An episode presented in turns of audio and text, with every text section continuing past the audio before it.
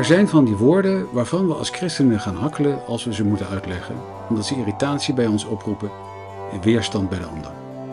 Maar misschien dat ze ons met vallen en opstaan wel dichter bij Christus, de steen des aanstoots, kunnen brengen. In een serie van vijf verdiepingspreken gaan dominee Johan Visser en dominee Dick Wolters dieper in op de betekenis van enkele van deze woorden en waarom ze zoveel irritatie oproepen.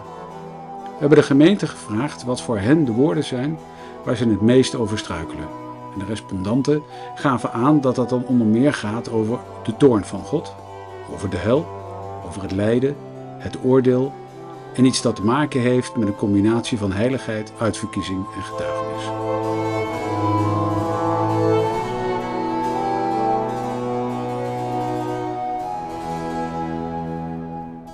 Dit is de eerste in de serie van vijf struikelwoorden. Vandaag staat de toorn van God centraal.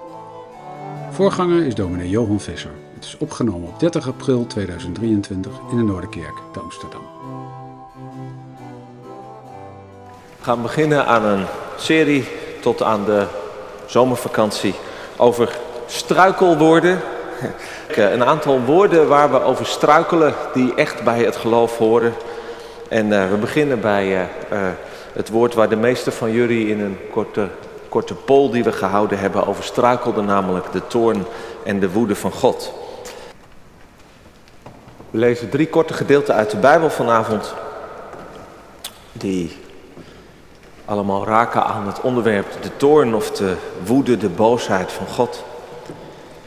En we lezen de eerste schriftlezing, zijn twee lezingen, eerst uit Exodus 34 en daarna uit Jesaja 54. Maar eerst Exodus 34, vers 5 tot 9.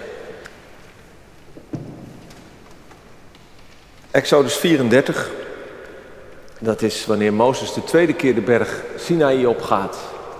De eerste keer is hij gegaan, maar hij bleef lang weg en het leidde direct tot de eerste crisis tussen God en zijn volk, het gouden kalf en uh, het oordeel van God ook uh, uh, daarover.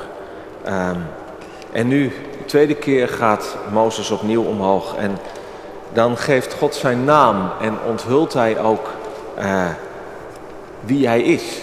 En vallen er woorden die in het Oude Testament heel vaak terugkomen als het gaat over het karakter, over de eigenschappen van God. Exodus 34, 5 tot 9. Toen daalde de Heer neer in een wolk en ging daar bij hem staan, bij Mozes, en riep de naam van de Heer uit. En toen de Heer bij hem voorbij kwam, riep hij, Heere, Heere, God, barmhartig en genadig, geduldig en rijk aan goede tierenheid en trouw. Die goede tierenheid blijft bewijzen aan duizenden, die ongerechtigheid, overtreding en zonde vergeeft. Maar die de schuldige zeker niet voor onschuldig houdt. En de ongerechtigheid van de vaders vergeldt aan de kinderen en de kleinkinderen tot in het derde en vierde geslacht. Toen haastte Mozes zich, knielde ter aarde en boog zich neer. En zei, heren, als ik nu genade in uw ogen gevonden heb, laat de heren dan toch in ons midden meegaan. Zeker, het is een halstarrig volk, maar vergeef onze ongerechtigheid en onze zonde. En neem ons aan als uw erfelijk bezit. Dan lezen we verder uit het boek van de profeet Jezaja, hoofdstuk 54. Dat is na misschien wel de grootste crisis tussen God en zijn volk na de ballingschap. Als Jeruzalem verlaten is, een ruïne, en het volk treurt en zich afvraagt, zal het nog ooit iets worden met ons en ook tussen ons en God? En dan klinken de woorden van de profeet Jezaja en daarin gaat het ook over de, de toorn van God waarin God spreekt vanaf vers 7. Voor een klein ogenblik heb ik u verlaten. Maar in grote barmhartigheid zal ik u bijeenbrengen. In een stortvloed van grote toorn heb ik voor u mijn aangezicht een ogenblik verborgen. Maar met eeuwige goede tierenheid zal ik mij over u ontfermen, zegt de Heer uw verlosser. Want dit zal voor mij zijn als de wateren van Noach, toen ik zwoer dat de wateren van Noach niet meer over de aarde zouden komen. Zo heb ik gezworen dat ik niet meer op u toornen zal en u niet meer bestraffen zal. Want al zouden bergen wijken en heuvels wankelen, mijn goede tierenheid zal van u niet wijken en het verbond van mijn vrede zal niet wankelen, zegt de Heere, uw ontfermer. Tot zover de eerste lezing. En uit de brief van Paulus aan de Romeinen, hoofdstuk 1, een paar versen vanaf vers 16. Want ik schaam mij niet voor het evangelie van Christus. Want het is een kracht van God tot zaligheid voor ieder die gelooft. Eerst voor de Jood en ook voor de Griek. Want de gerechtigheid van God wordt daarin geopenbaard, uit geloof tot geloof, zoals geschreven is, maar de rechtvaardige zal uit geloof leven. Want de toorn van God wordt geopenbaard vanuit de hemel over alle goddeloosheid en ongerechtigheid van de mensen die de waarheid in ongerechtigheid onderdrukken. Omdat wat van God gekend van kan worden hun bekend is. God zelf heeft het hun immers geopenbaard. Talig ben je als je het woord van God hoort en het bewaart. Gemeente van Jezus Christus. God is liefde. En daarom kan en moet God boos worden. Dat is misschien in één zin de boodschap van deze preek, denk ik wel. God is liefde, maar bij liefde hoort ook boosheid. Dat zijn geen tegenstellingen. Voor ons mensen niet en ook niet voor God. En dat kunnen jullie denk ik heel goed begrijpen als je van iemand houdt, dat begrijpen we allemaal, dan word je geraakt door hem of haar. Je wordt blij als, als het goed met iemand gaat en als iemand leuk tegen je doet. Je wordt verdrietig als een ander lijdt. Maar je kunt ook boos worden als een ander jou of zichzelf pijn doet, kwetst. Wij denken misschien wel dat als je gelovig bent dat je nooit boos moet worden, maar ik denk wie, wie nooit boos wordt, die laat zich ook nooit echt raken. En dat kan om allerlei redenen zijn natuurlijk. Dat kan uit een soort van angst zijn. Dat je die boosheid eng vindt, om welke reden dan ook. Of uit onverschilligheid. Dat je eigenlijk gewoon niet, eigenlijk niet echt uitmaakt wat er, wat er met anderen gebeurt en wat ze jou aandoen. Of het kan ook wel zijn dat je in een soort van droomwereld leeft. Waarin alles oké en fijn is. En boosheid, ja, die laat die droomwereld een beetje ontploffen. Of laat zien dat die niet klopt. De toorn van God heeft ermee te maken dat God geraakt wordt door ja, wat er aan de hand is. In zijn schepping en in ons leven. Dat is de, de diepe overtuiging en ervaring van de Bijbel. Dat God een God is die geraakt kan worden. En dat is natuurlijk niet een vanzelfsprekende gedachte over God. Heel veel mensen hebben een idee van God heel ver weg. Die uiteindelijk zich weinig aantrekt van wat er gebeurt.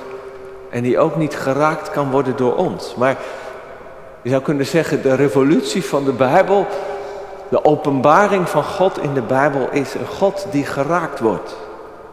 Dat zie je al heel goed in het Hebreeuwse woord voor, voor woede, voor boosheid.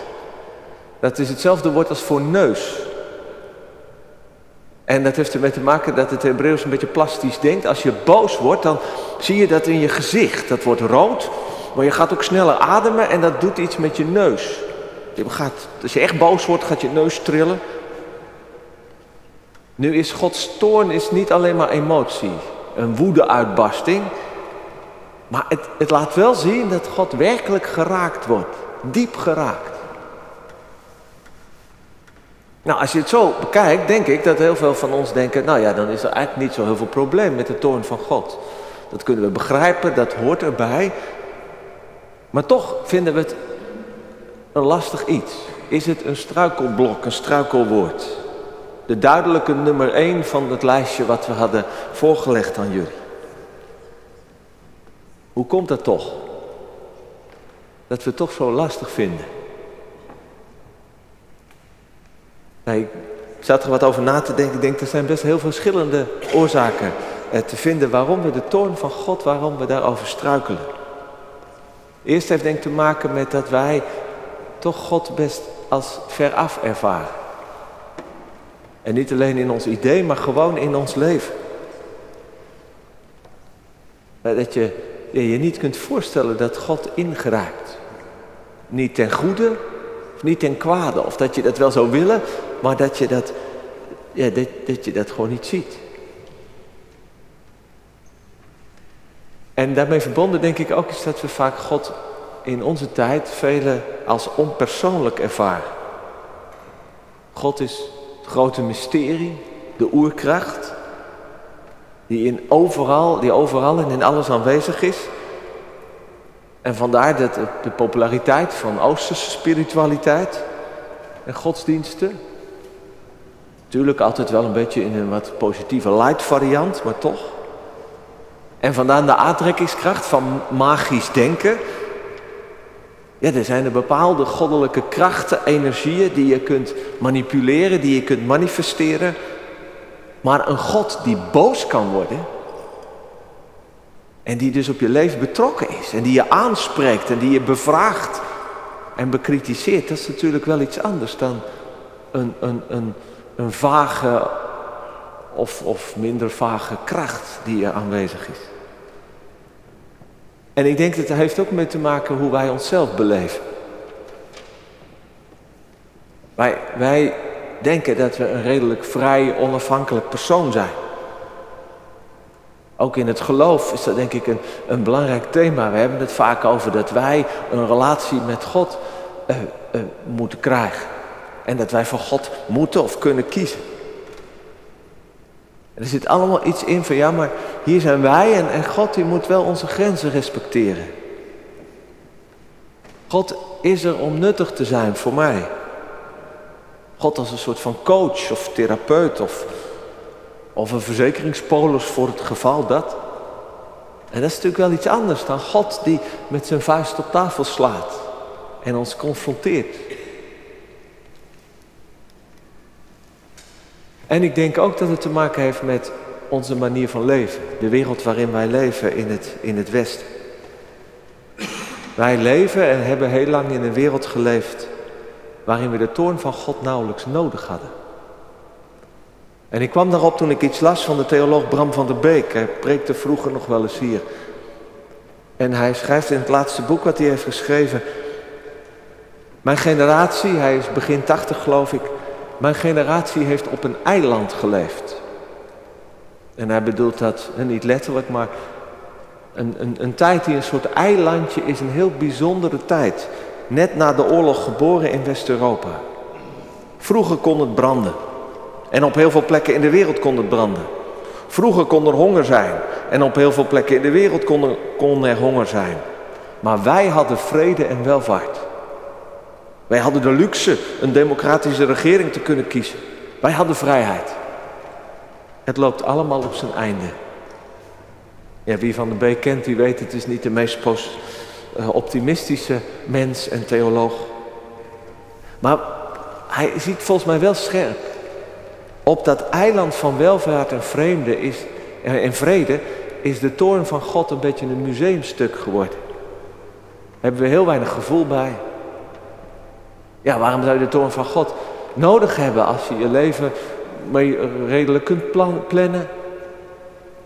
Als het allemaal rustig gaat, hebben het eigenlijk ook niet nodig. En als laatste denk ik, het heeft ook met de kern van ons geloof te maken. Als christenen kunnen we het idee hebben dat het met de komst van Jezus en met zijn dood en opstanding, het centrum van ons geloof, de, de, de grond van ons geloof, dat het oordeel dan voorbij is. Het is toch nu het tijdperk van genade is toch aangebroken. Jezus heeft het oordeel gedragen aan het kruis.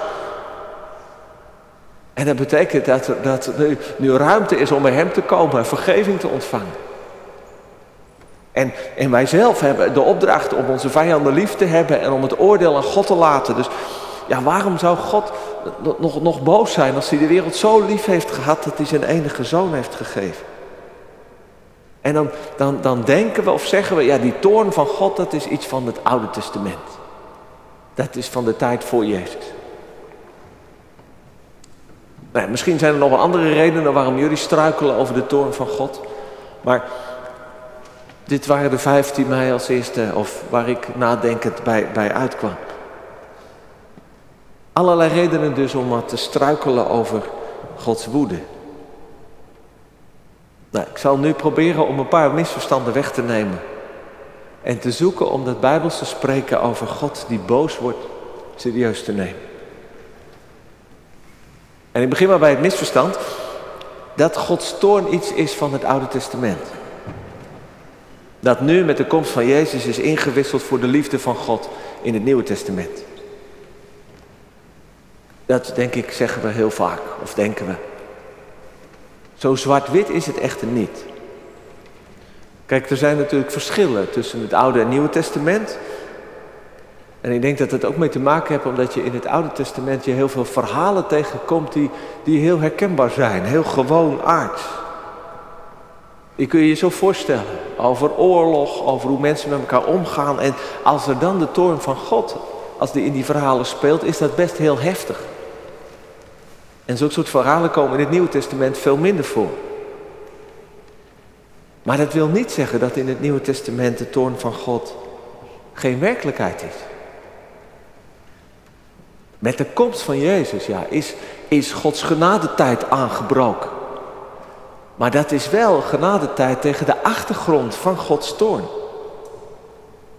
We lazen dat uit de brief van Paulus aan de Romeinen, waar hij een prachtig inzet van dat geloof, het evangelie waar ik me niet voor schaamt.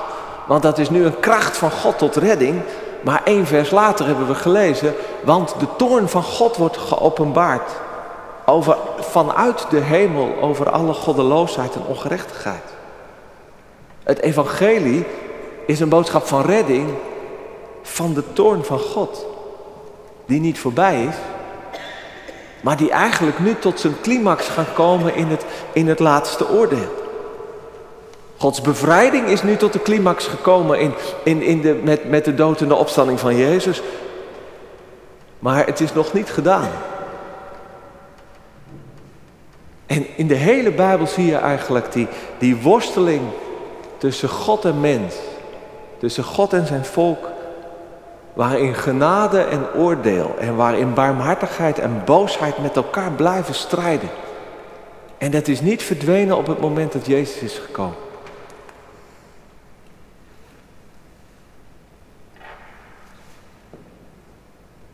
Nou, dat is, is het eerste misverstand, denk ik, wat goed is om, om even bij stil te staan. Het andere is, denk ik, dat we, en dat is ook heel belangrijk, dat we een zuiver beeld moeten hebben van Gods toorn. Want ik denk, er zijn ook heel veel onzuivere en gevaarlijke beelden, en die zitten volgens mij heel diep. Je komt ze tegen in heel veel religies en ook in de christelijke. En ik denk dat het meer nog een gevoel is dan een idee. En dat er in een soort in het onderbewuste heel veel mensen ergens een rol speelt. En dat is het gevoel dat, dat Gods woede je zomaar, je zomaar willekeurig kan raken. Waarom mensen bijvoorbeeld zeggen als, ze, als er iets ergs over, overkomt, dat ze zeggen, waarom gebeurt mij dit? Als je dan een beetje beetje in God gelooft, dan is het, waarom doet God mij dit aan? Daar zit die gedachte achter. Opeens kan God je pakken. En daar zit dus het beeld in dat God onberekenbaar is. Die een tegenstander is, die uit is op onze ondergang. En die net zo lang zit te wachten tot, tot die eeuwen en je dan, je, dan een, eh, je, je dan kan tackelen. Nou, als de toorn van God zo, als je die zo aanvoelt, ja, dan, dan begrijp ik dat je erover struikelt. En dat is goed ook, want dus denk ik, moet heel duidelijk zijn, in de Bijbel is de boodschap, God is niet zo. We hebben dat gelezen, hè? God openbaart zich aan Mozes. En dan is God eigenlijk heel boos, want ze hebben, het volk Israël heeft na, na de openbaring op de Sinaï, het moment dat het eerste het verbond met het volk is gesloten, hebben ze het, hebben ze het echt weer helemaal verpest. Maar dan openbaart hij opnieuw zijn naam en laat hij zien wie hij is. En dan klinken die grote woorden over wie God is. Barmhartig en genadig, geduldig en rijk aan goede tierenheid en trouw. En dat woordje geduldig, dat is letterlijk lang, langzaam tot toorn. Langmoedig in, de, in het oude Nederlands. En dat is dus tegenovergestelde van een kort lontje. God heeft geen kort lontje. En dan gaat het stuk verder. We hebben het gelezen over vergeving en vergelding. God die ruimhartig vergeeft. En tegelijk is er de spanning die toch de schuldige niet voor onschuldig gaat en straft. En wij komen daar niet uit. En ik denk dat we daar ook niet uit mogen komen. We moeten dat niet gemakkelijk zien op te lossen. Want ik denk dat we allemaal aanvoelen dat onvoorwaardelijke vergeving. Hier is vergeving. Het is allemaal goed. Of een liefde zonder dat je, dat je vraagt om verantwoordelijkheid en commitment. Dat dat echt goedkoop is. Dat dat nergens op slaat. Niet in onze relaties als mensen en ook niet tussen God en ons. En zo maken we van geloven maken we een spelletje waar de lol uiteindelijk heel snel van af is. En misschien is dat wel een van de redenen waarom het geloof in het Westen het zo slecht doet. Dat we van het geloof een heel goedkoop verhaal hebben gehaald. God is liefde. En dan we denken, nou ja, oké, nou ja, als God liefde is, dan is het allemaal, allemaal goed. En wij doen verder, maakt allemaal niet zoveel uit. Nou ja, en dat goedkope verhaal, ja, wat, wat heb je eraan? Nou, en dan is denk ik goed om te beseffen dat de toorn, de woede van God, dat dat een aspect is van God, al komt het niet in, in de definitie van Hem voor, maar die wel goed is om serieus te nemen. Want de woede van God is de reactie van God op, op kwaad. Op als wij mensen hem niet serieus nemen. Als hij op zijn hart wordt getrapt. God wil ons leven. Als de schepper van alles wat er is. En zijn toorn is, na lang geduld, een, een hartstochtelijk en een hartgrondig nee tegen wat geen leven is. In je, in je eigen persoonlijk leven of, of ook uh, tussen mensen, wat we elkaar kunnen aandoen of in het groot. En de toorn, hoe, hoe heftig en vreselijk die ook kan zijn, is uiteindelijk een instrument waardoor God leven wil geven. En herstel. En de dingen recht wil zetten. Nou, collega Dick Wolters zal nog over de hel spreken. De, dat is natuurlijk nog, nog de toorn die niet uit is op herstel, maar die uiteindelijk definitief blijft. Maar het, in de eerste plaats is de toorn de woede van God een, een, een boodschap aan ons dat God het niet neemt en dat hij ons leven wil.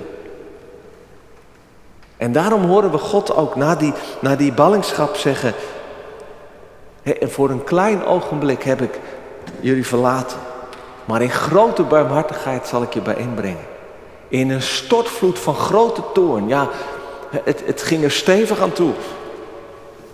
Heb ik mijn aangezicht voor jullie verborgen heb ik gezegd, ik, ik, wil jullie niet meer. Ik trek me terug, ik laat jullie over aan je vijanden en aan jezelf. Maar, maar nu zal ik me met de eeuwige goede tierenheid over je ontfermen. En, en in, die, in die uitspraak die we ook gezongen hebben met Psalm 30, proef je dat zelfs in die woorden van over toorn en boosheid, proef je de liefde van God. Die zich ook nog in het terugtrekken van God aanwezig was omdat God zijn mensen lief heeft, is hij boos geworden. En heeft hij ze losgelaten. Opdat hij weer opnieuw kon beginnen. En daarmee komen we bij een ander aspect. Wat ik zo nadenkend over de toorn van God bedacht. Volgens mij is de toorn van God niet bedoeld als een soort van theorie. Een idee. En waar wij van kunnen zeggen, nou, wat kunnen wij er nog mee? Wat vinden we ervan? Of, nou ja, we moeten dat vooral, dat idee moeten wij hoog houden, want dat is belangrijk. En ik kwam daarbij vanwege een boek van een Joodse schrijver, Abraham Joshua Heschel. Hij heeft een dik boek geschreven over de profeet, een prachtig boek. En daar schrijft hij ook uitgebreid over de toorn van God, want dat kan ook niet anders. Als je de profeten uit de Bijbel serieus neemt, dan kom je altijd weer die toorn van God tegen. En, en Heschel die schrijft, en dat vond ik een prachtig inzicht, die zegt, die woede, die toorn van God is bij hen niet een soort van idee of zo. Dat zij, nou ja, wij zien God zo en, en, en, en dan moet God dus ook boos worden. Hij zegt, nee, bij hen is het veel meer een soort van levenshouding. Omdat voor hen God overweldigend, echt en verbrijzelend aanwezig was. Die profeten die zagen gewoon in wat er aan de hand was, zagen ze dat God aanwezig was. En ook dus in zijn toorn, dat hij zo betrokken was op zijn volk. Dat hij ze niet losliet. En dat hij zich liet raken. Dus de woede van God moet je niet in de eerste plaats zien als een theorie of zo, maar als een waarheid die op je afkomt. Die gaat over u en over mij en over ons vandaag. Zoals Paulus dat ook zegt, de, toorn van God wordt geopenbaard. Dus het is niet een soort algemene waarheid, maar dat is iets wat opeens helder wordt, wat zichtbaar, voelbaar wordt voor ons. En dat kan zijn dat het in jezelf geopenbaard wordt, in je geweten, dat je, dat je opeens stilvalt in je leven. Of dat je in een crisis raakt en dat je in de spiegel kijkt en dat je, dat je aanvoelt, dit is niet goed. Ik las ergens van, van iemand die, die ooit een keer naar, naar een, een middeleeuws schilderij stond te kijken. En ik dacht dat het een schilderij van de hel was. Zo, met al die gedrochten die dan worden afgebeeld. En wij zeggen, oh, dat is middeleeuws. En die man zat er naar te kijken. En opeens na een poosje zei hij... En opeens zag ik mezelf. Dat was ik. En dat kan zomaar gebeuren. En ik heb de ervaring dat het bij ons een beetje gedimd is. Om al die redenen die, die ik eerder noemde. Maar dat het nog wel reëel aanwezig is. En dat je ook zo naar de samenleving kan kijken. dat we afgelopen week een feest hebben gevierd in deze stad. En dat je dan de, de, de day after, dat het één grote puinhoop is. En dat het de, de mensen zijn met de, de, met de, met de, die het slechts betaald worden. Dat die, die een hele nacht en nog dagenlang bezig zijn om de teringzooi op te ruimen. Die in deze stad ligt. En je denkt, dan vieren we een feest en, en ik begrijp, de volksfeest, prachtig. Maar dan, dan, en dan denk je, nou, daar kun je van alles van vinden, van jezelf en je eigen boosheid als je in Amsterdam woont. Maar je kunt ook iets zeggen van, is dit iets dat God zich verbergt? Dat, dat dit het leven is wat in onze samenleving doorbreekt. En dat we het eigenlijk ook een soort van gewoon vinden. En weer hopen op de volgende feestje waar we weer, waar we weer verder mee kunnen gaan. Wordt hier iets van de toorn van God openbaar of niet? Nou, dat is misschien een beetje zwaar om er zo naar te kijken. Maar ik denk wel dat de profeten, bij wie die toorn van God zo'n rol speelt, dat die zo in het leven stonden. Veel, veel gevoeliger waren van wat er in de wereld aan de hand is. En waar God aan het werk is. En dat wij daar op een heel andere manier naar kijken. En waardoor we er ook, ook bijna geen gevoel voor hebben. Want de toorn van God wil zeggen dat God wordt geraakt door wat wij doen. Wat er gebeurt met mensen, met de aarde en met de dieren. Dat God wordt geraakt door wat u en wat jij met je leven, leven aan uh, doet. Want God is niet neutraal als het gaat over goed en kwaad. En niet onverschillig of een beetje cynisch. Maar God laat zich raken. En het is een menens. Daar gaat het denk ik ook bij de toorn van God over. Er zit een laatste ernst in. Dit is overweldigend echt. En dat botst denk ik ook bij, met heel veel hoe wij naar, naar, naar onszelf en naar het leven kijken. Op ons eiland. Hoe lang het nog gaat. Wij leven best een beetje licht. En een beetje ironisch vaak. Je kunt altijd nog even weer een grap maken over wat, hoe erg het ook is. En we hebben een ongekende hoeveelheid afleiding en entertainment en verdoving. Dus eigenlijk kun je door het leven gaan zonder dat je echt geraakt wordt. En altijd weer een beetje op afstand kan gaan. En laat ik helder zijn, ik hou ook van een grap op, op, op zijn tijd. En het is ontzettend gezond om af en toe heel hard te lachen om jezelf, ook in de kerk. Maar als dat het enige is, als je nooit werkelijk je leven en deze wereld en wat er gebeurt serieus neemt, dan zijn we verloren. Dat geldt voor je eigen leven. Als je altijd maar een grapje kan maken. En dat geldt voor onze samenleving. Dan, dan rest die ondraaglijke lichtheid van het bestaan. Maar niks meer echt telt. Maar God serieus nemen als de God die ons lief heeft. Zodat hij geraakt wordt door, ook door onze dwaasheid en onverschilligheid. En dat hij het er niet bij laat zitten, dat is ook een, een prikkel om ernstiger en reëler te gaan leven. Omdat God daarmee, denk ik, onze goedkope praatjes en onze gemakkelijke uitvlucht en onze ironische houding, waarin we ons gebrek aan echtheid en ook verantwoordelijkheid camoufleren, dat God het bij ons uit handen slaat. En misschien struikelen, is dat nog wel de, het echte struikelmoment voor ons. Dat we dat niet willen. Want dan wordt het natuurlijk spannend. Voor ons allemaal. En dan gaat het in de eerste plaats over onszelf. Hè? Want er zijn natuurlijk ook christenen die met de toorn van God zitten te, te, te, te strooien over anderen en over, over, over allen die, die, die niet goed bezig zijn. Maar de toorn van God raakt altijd eerst het volk van Israël voordat het de andere volken raakt. Eerst de gemeente, dan de andere. Dus het is spannend als je beseft dat het menens is. En dat je er niet meer onderuit kunt. En je niet kunt schuilen. En dat je ook niet kunt zwelgen in een soort van doemdenken. Van ja, het wordt toch niks. En, en met mijzelf, en het, het is allemaal een mislukking. Het is niet, dat heeft niks met de toorn van God te maken. Want de toorn van God ontneemt je die mogelijkheid om ook nog een beetje, beetje te gaan zitten doemdenken en zwaar te gaan zitten doen. Want het is Gods liefde. Die, die zich voor een ogenblik verbergt. En die je vlijmscherp kan raken en verwonden. En, en je alle grond onder, onder je voeten wegslaat. Maar dan een ogenblik later in met diezelfde volstrekte eerlijke liefde ook een weg wijst. Er is redding. Je kunt een weg van leven gaan. Die bied ik je aan. En daar zit iets van die enorme opluchting in, denk ik.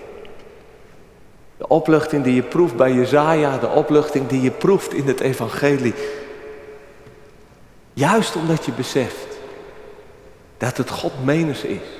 En dat hij er niet bij laat zitten wat misgaat in je leven en in deze wereld is er de opluchting. Hij is niet meer boos. De straf is voorbij, het is weer goed. En zo is de toorn van God, denk ik, een poort naar het leven. Die heel eerlijk is en de dingen scherp aanwijst. En ons misschien soms ook wel stuk breekt. Maar dan ook van je mag gaan leven. En dat is denk ik het, dat is het geheim van het kruis. Dat is het geheim van Christus. Die de toorn van God heeft gedragen. Niet om er, om er definitief aan kapot te gaan. Maar juist om een weg te banen voor ons. Van vergeving en leven en een nieuw begin. Maar het is wel een smalle poort waar we doorheen moeten. Wil je die weg gaan, de toorn van God aanvaarden, ja, dan zul je moeten bukken en je pretenties afleggen. En als je die hebt, je grote mond houden. En ook je illusies onder ogen zien, wie je, wie je bent. En over, over je geloof en over je eigen club en je eigen rechtvaardigheid en de anderen die zoveel slechter zijn. Dat is de weg die Jezus de weg van zelfverloochening en je kruis op je nemen noemde. En dat is natuurlijk niet niks. Maar het is wel de weg van leven. De weg dat je zelf geraakt wordt. Door God. Dat je eerlijk wordt. Maar dat je je ook kan laten raken door anderen. Door wat er echt aan de hand is in de wereld. En in je eigen leven. En dat je heel eerlijk daarmee een weg zoekt. Met je liefde, maar ook met je leegte, met je, met je falen en met je angsten. En heel maar juist daarin ook God nodig hebt. Die je kracht wil geven en die je wil genezen en die je de weg wil wijzen. Voor mijn gevoel is het een beetje een rare preek geworden. Althans, toen ik hier aankwam en ik ben nu bijna bij het einde, dacht ik, hé, ik had niet gedacht dat ik hier zo uitkwam. Maar ik dacht wel, dat denk ik nog steeds, dit is volgens mij wat de toorn van God wil. Dat we er niet zo een beetje van een afstandje over nadenken, maar dat we er echt over struikelen. Dat we struikelen over God. Die ons zo lief heeft dat Hij ons niet aan, onverschillig aan ons lot overlaat. En die laat weten dat het hem echt menens is. En die heel veel dingen bij ons doorprikt, waardoor wij lekker op een afstand denken te kunnen blijven. De toorn van God zegt dat we niet veilig zijn voor God en voor zijn liefde. En dat is ongemakkelijk. Maar dat is volgens mij ook hoopgevend. De hoopgevende kracht van, van, van de boodschap van Gods woede. En het is denk ik aan ons. Of dat we op safe willen spelen, zogenaamd op safe. Of met, met, met de God van vage liefde. Of op safe met onszelf. En een beetje bij God weg willen blijven. Of dat we het aandurven om op die heilige grond te komen van de liefde van God. En in aanraking komen met, met Gods woede.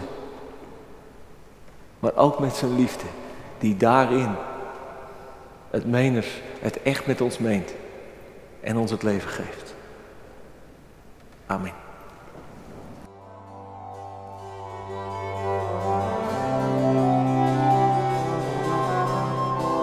Mocht u meer willen weten over deze struikelwoorden, luister dan naar de komende overdenkingen die worden gepost tot de zomer van 2023. Wilt u niets missen, abonneer u dan op deze podcast.